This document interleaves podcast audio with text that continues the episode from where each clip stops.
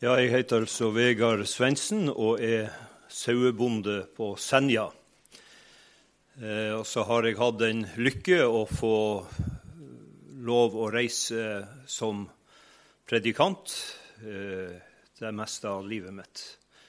Det, det er et privilegium. Det, det går ikke an å egentlig få være med på noe større enn å få gi Guds ord videre til andre mennesker. Et ord som ikke bare forandrer livet til folk, men som omplasserer de for evigheten. Som fører de eh, fra veien mot fortapelsen og på veien til himmelen. Vi ber litt til før vi leser teksten. Kjære Herre Jesus, vi takker deg for at vi får be i ditt navn. Takk at du har sagt det at du har åpna en ny og levende vei for oss inntil, inntil den evige Guds kongstol. Takk at uh, du sitter ved Faderens høyre hånd, og så ber du for oss, du som er vår sjels hyrde og tilsynsmann. Du ser hva hver enkelt av oss trenger. Herre, du vet vi har ikke alltid forstand til å be om det vi trenger, men vi takker deg for at du går i forbønn for oss så takker vi deg for at du har ikke etterlatt oss farløs, men du har sendt talsmannen, Helligånden, for å lukke opp ditt ord for oss. Og vi ber, Herre, at vi kunne få oppleve det nå, at vi hører din røst. Amen. Teksten er som nevnt, og også som lest, fra Hebreerbrevet kapittel 13. Det er de tre første verset. Jeg vil lese den enda en gang. La broderkjærligheten vare ved, glem ikke gjestfrihet. For ved den har noen hatt engler til gjester uten å vite det. Husk på dem som er i fengsel, som om dere var fanger sammen med dem, likeså dem som blir mishandlet, for dere er jo selv i legeme. Amen. Hold søskenkjærligheten levende. Det er denne samlingens tema. Og Vi har skjønt det fra det som har vært snakka om eh, i innledningen til møtet, at her er det kanskje først og fremst snakk om eh, kjærligheten mellom troens folk, altså mellom troende søsken. Og Det store er jo at det står eh, faktisk i hebreerbrevet at Jesus skammer seg ikke over å kalle oss sine søsken.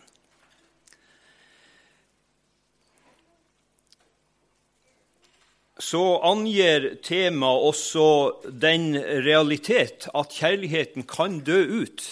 Hold søskenkjærligheten levende, er temaet. Og Det betyr jo det at eh, det er ikke uten videre sånn at den bare flommer over hele veien.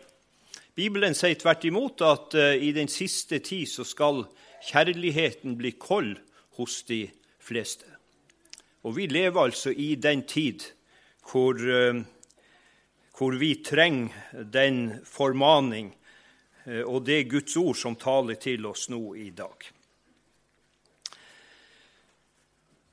Så må vi spørre har vi denne kjærligheten med oss da vi ble født inn i verden. Nei, sier Bibelen, det som er født av kjød, er kjød. Det, står i, det, det sa Jesus til, til en, en, rådsherre som eh, Jesus samtalte med ei natt eller en kveld.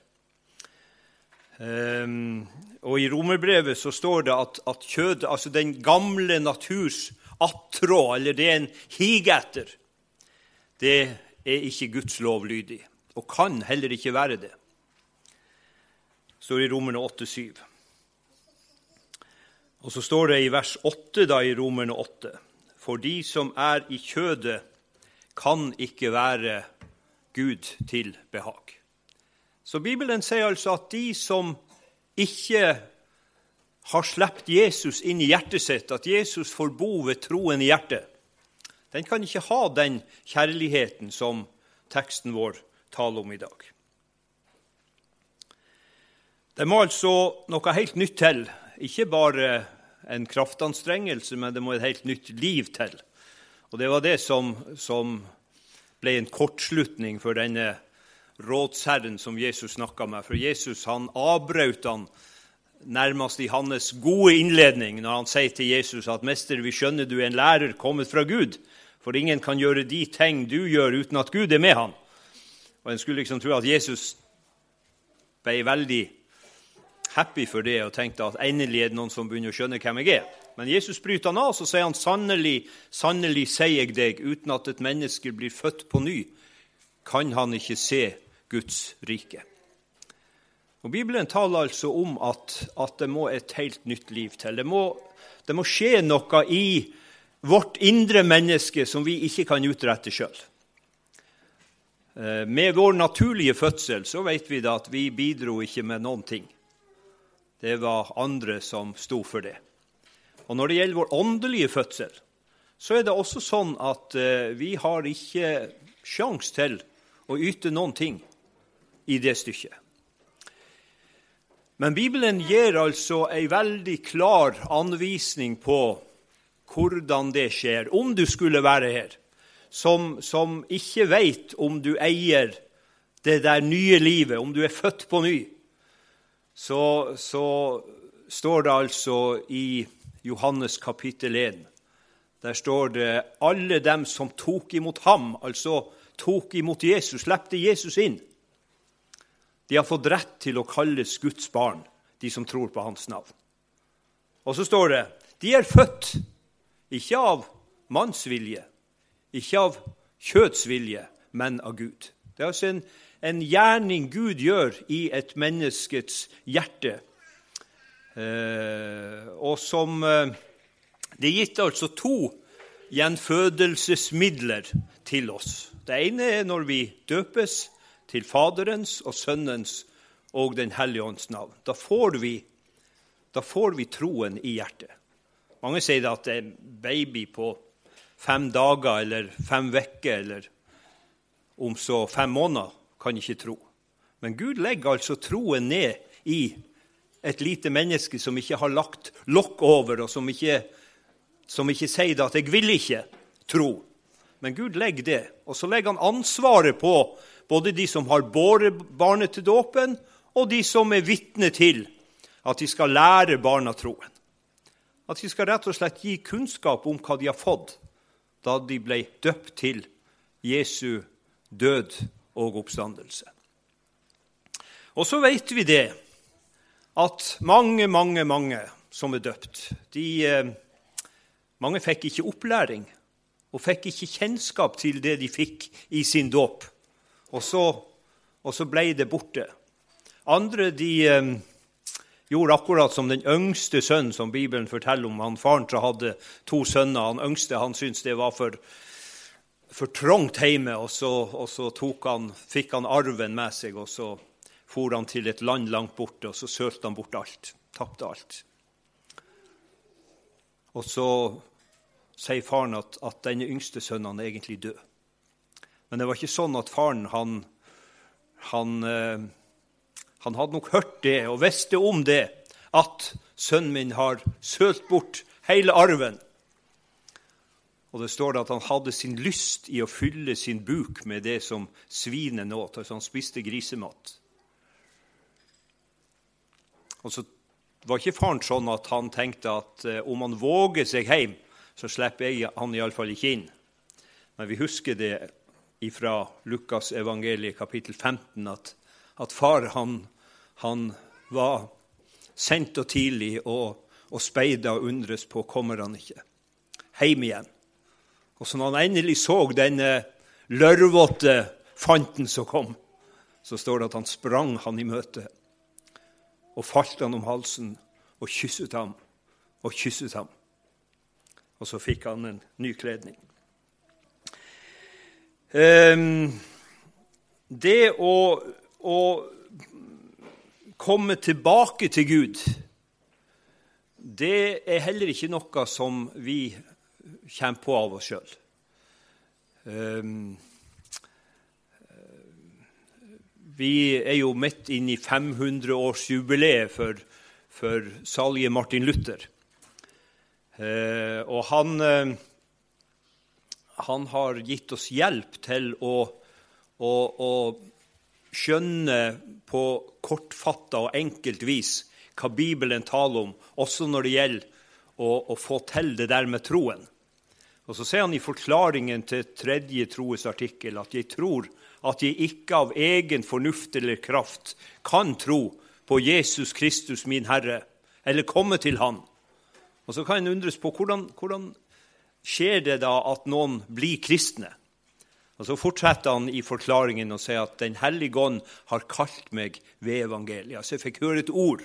Og I 1. Peter kapittel 1, vers 23 så står, så står akkurat det. For dere er gjenfødt, altså født på ny ikke av forgjengelig, men av uforgjengelig sæd ved Guds ord, som lever og blir. Og Det finnes altså ikke noe kraftigere enn Guds ord. Det er som et tveegget sverd, står det, som trenger igjennom og kløyver sjel og ånd, leder mot og marg og dømmer hjertets skjulte tanker og råd. Sånn er Guds ord. Og så kan det også lyse opp for oss det som Gud har gjort for oss i Jesus Kristus og vise oss det, at ved å slippe Han inn, så får vi fred med Gud. Da blir vi Guds barn. Og Da får vi altså den eh, kjærligheten som er, som er tema for, eh, for dette møtet. Eh, vi ser i Bibelen personer som opplevde det og, og slippe Jesus inn i livet sitt, hvor forandra de ble. Bare ta én person som jeg vil tro kanskje alle har hørt om. Det var denne overtolleren som, som eh, var eh, ikke var venn med så veldig mange.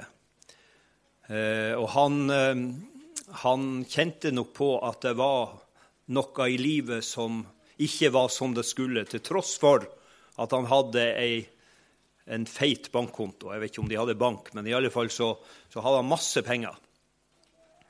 Så han var en liten av vekst, og så, og så, skjønte han det at det er jo så masse folk som samles om Jesus, at jeg har ikke sjans å få se han. Så klatra han opp i et, et morbærtre, satt skjult eh, bak løvverket og tenkte han skulle få et glimt av denne underlige mannen som han hadde hørt om. Og Så kommer altså Jesus, og så går han gjennom folkemengden og så står han under treet, og så, og så sier han, 'Sakkeus, stig ned, for i dag må jeg bli med deg hjem. Jeg må bli i ditt hus.' Og så står det at Sakkeus skyndte seg og steg ned og tok imot han med glede. Og så skjedde altså det under at han ikke bare slepte han inn i huset sitt, men i hjertet sitt. Han fikk et nytt sinn. Og han sier det, 'Mester, Halvdelen av mitt gods gir jeg til de fattige, og har jeg presset penger av noen, så skal de få firdobbelt igjen. Han hadde altså fått et nytt sinn som var retta mot andre mennesker.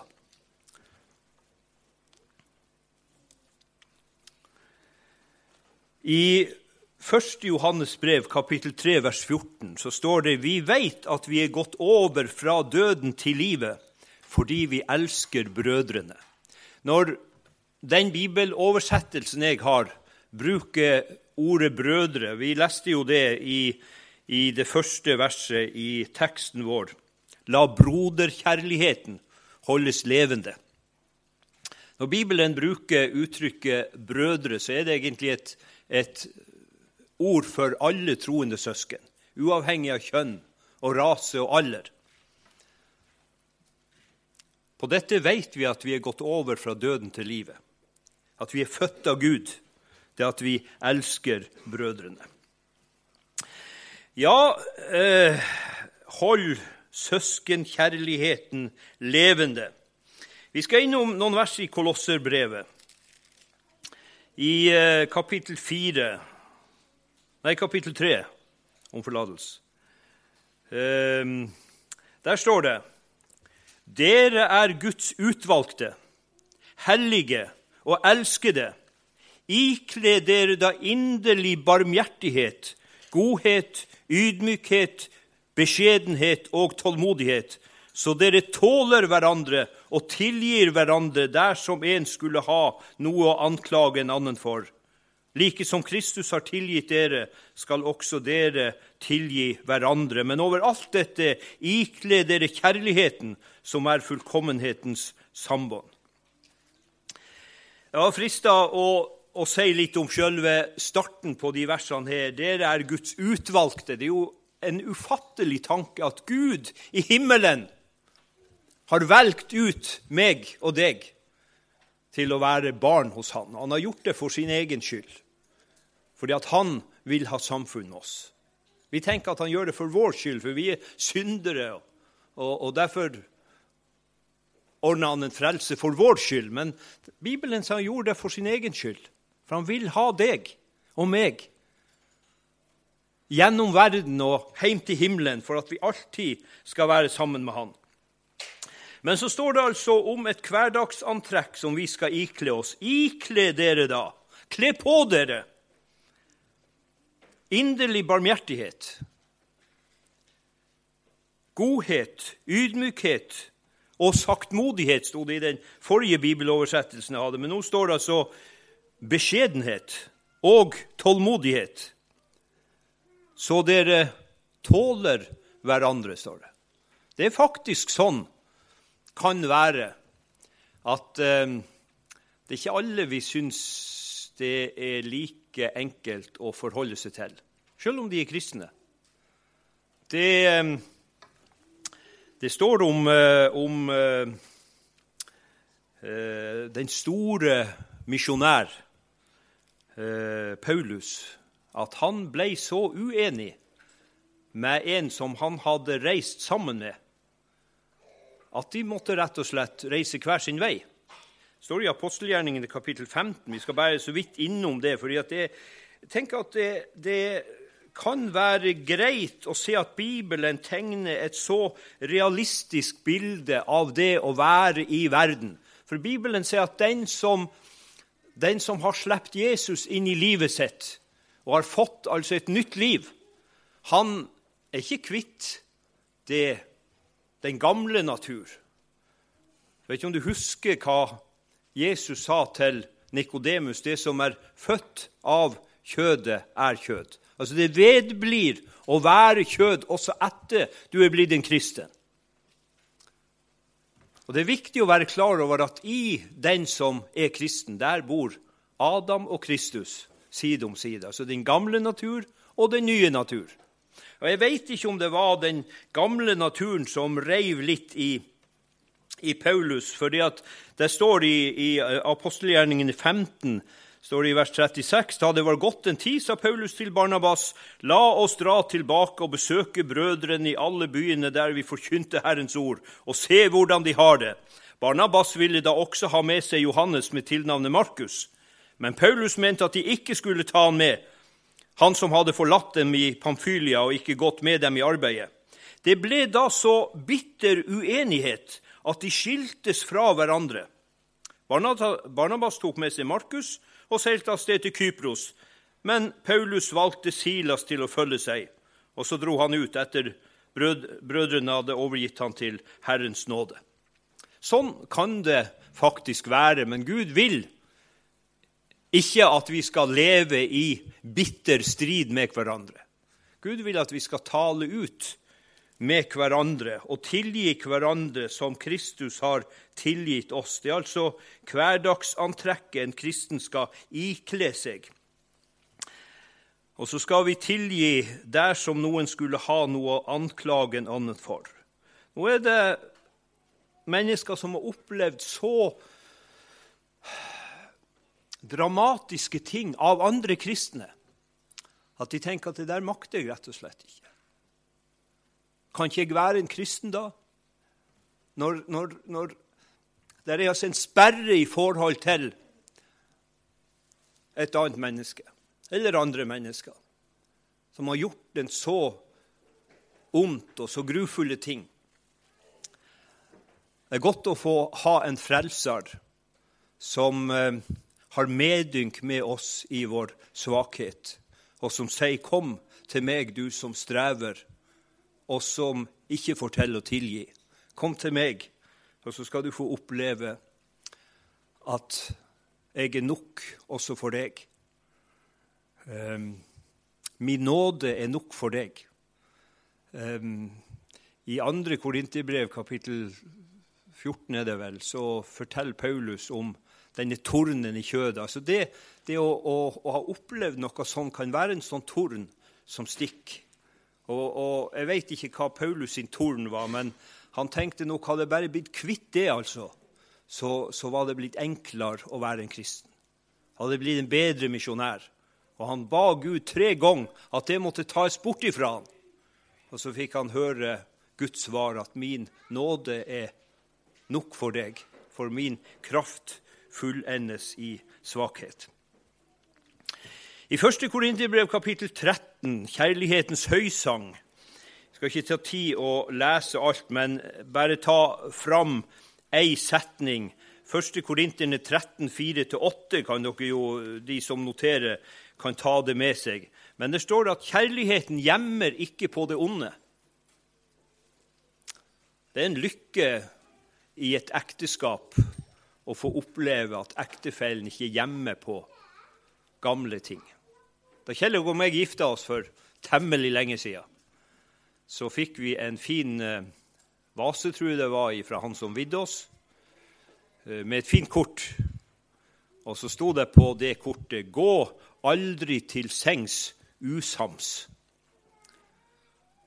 Og jeg tror akkurat det hadde han henta rett og slett ifra noe Bibelen sier, at uh, vi skal ikke la solen gå ned over vår vrede. Vi skal ikke gjemme på det onde, men vi skal få lov å gjøre opp både med Gud og med hverandre. Kjærligheten gjemmer ikke på det onde.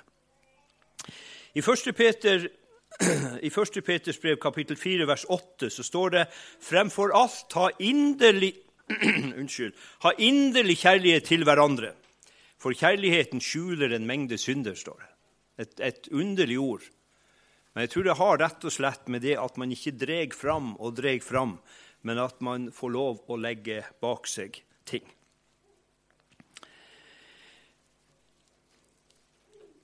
Det er noen velsigna bånd som binder Guds folk i sammen her. Og så hørte vi Hanna også fortalte om da Peter var i fengsel for andre gang. Da hadde, da hadde Herodes tatt livet av Jakob, og han opplevde at det ble bifalt av mange. og Derfor så tok han òg Peter og kasta han i fengsel. Og alle solemerker tyda på at også Peter kunne måtte late livet. Og Så leser vi om det i apostelgjerningene kapittel 12, at Peter han var ikke så engstelig at han tenkte åh, kommer de snart og tar meg? Nei, det står at han sovna så godt at da engelen kom og skulle fri han ut, da måtte han rett og slett pekke han i sida for å vekke han. Og så, eh, og så kom han ut. Han trodde jo at han hvis du leser i, i apostelgjerningen kapittel 12, så står det at, Peter trodde rett og slett at han drømte eller hadde et syn. Og Først da han kom ut i frisk luft ut på gata, så står det at han kom til seg sjøl. Og så tenkte han hvor skal jeg nå gå? For da, da forsvant engelen. Og så tenkte han med seg sjøl at nei, jeg vil gå til huset til Maria og Johannes Markus, for der er det noen som ber. Jeg vil gå der, for der er det noen som ber. Det var altså noen, Han visste at der er mine søsken samla for å be. For meg òg. Og Så gikk han dit, og så ramla han på døra. De hadde ikke ringeklokke, men han banka på. Og Tjenestejenta Rode kom og lurte på hvem er det som står utafor. Og hun hørte det var Peter, så ble hun så Hun fikk mest av sjokk. Så hun glemte å, å, åpne døra. Hun for inn til de andre som hadde bønnemøte, og så sa hun at Peter står utafor. Og så sa de at det ikke snakke tøv.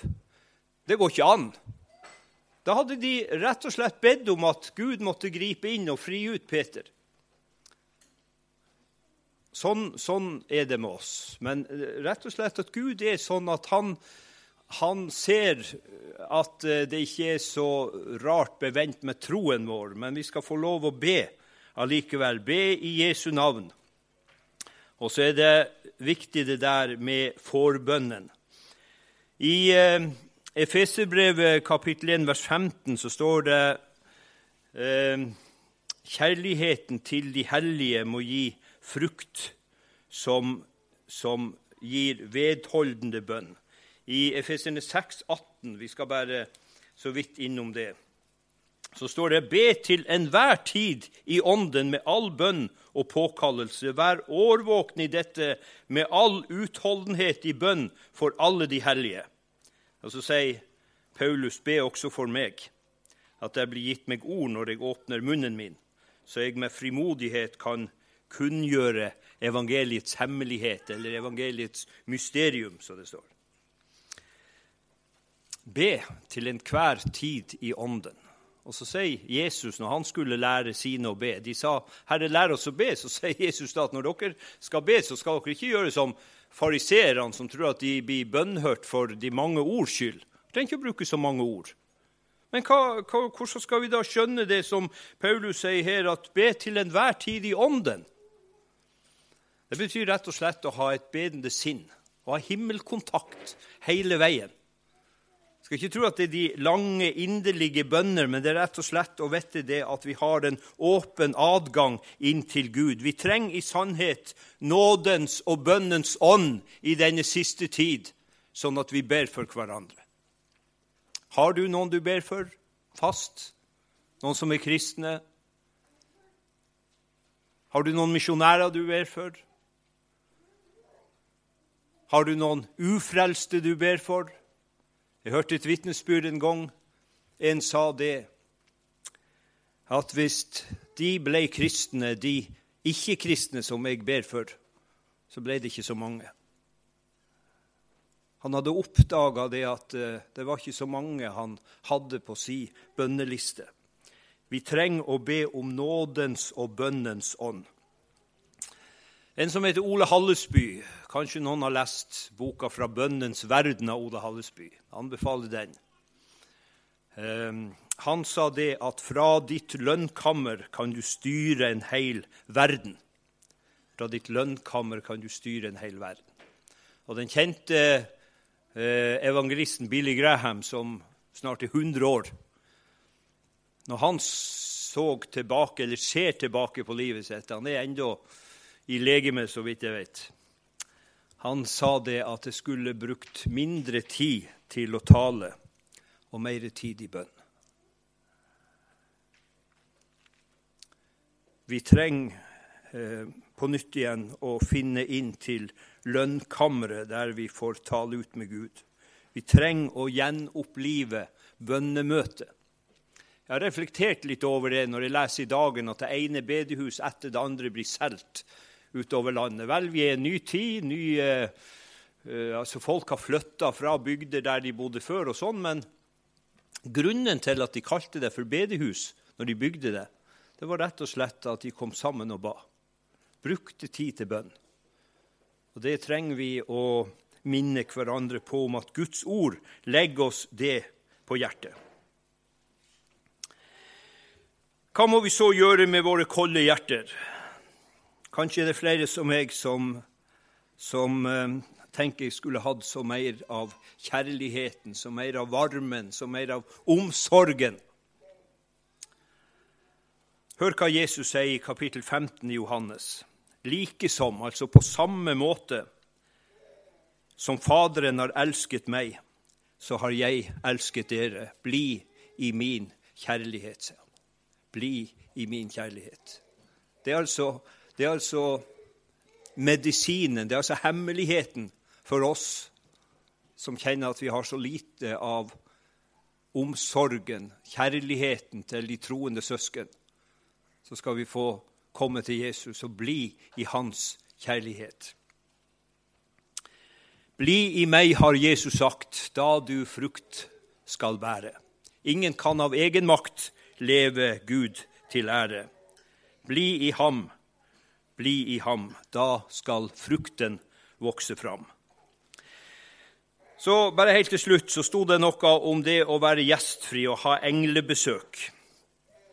Vi bare leser hva Gud sa til sitt gamle folk som var kommet ut av fangenskapet i Egypt, og som opplevde at det kom altså innvandrere også til dem, så sier altså Herren det i tredje Mosebok kapittel 19 vers 34. Den fremmede som bor hos dere, skal regne som en innfødt blant dere, og du skal elske han som deg selv. For dere har selv vært fremmede i landet Egypt. Jeg er Herren deres Gud. Eh, de fleste her er født i Norge, oppvoksen i Norge. Men vi ser og vet at det er mange nye landsmenn som trenger at vi åpner heimene våre, at vi åpner hjertet vårt, at vi åpner omsorgen vår, forsamlingen vår, også for disse nye. Kanskje vi trenger å be med Carl Ludvig Reichelt når han ber 'Gi meg ditt ømme frelseskinn' for slektens sorg og harm. Lukk meg i dine smerter inn og gjør meg sterk og varm. Lær meg å skue med ditt blikk hvert folk og liv som grenser fikk, og bære verdens nød og skam med kjærlighetens offerbrann til døden tro, tålmodig, sterk og fro. Herre Jesus, vi ber at du tenner oss opp igjen med kjærlighetens iver, så vi giver oss ganske til deg hen, og alltid hos deg bliver. Amen.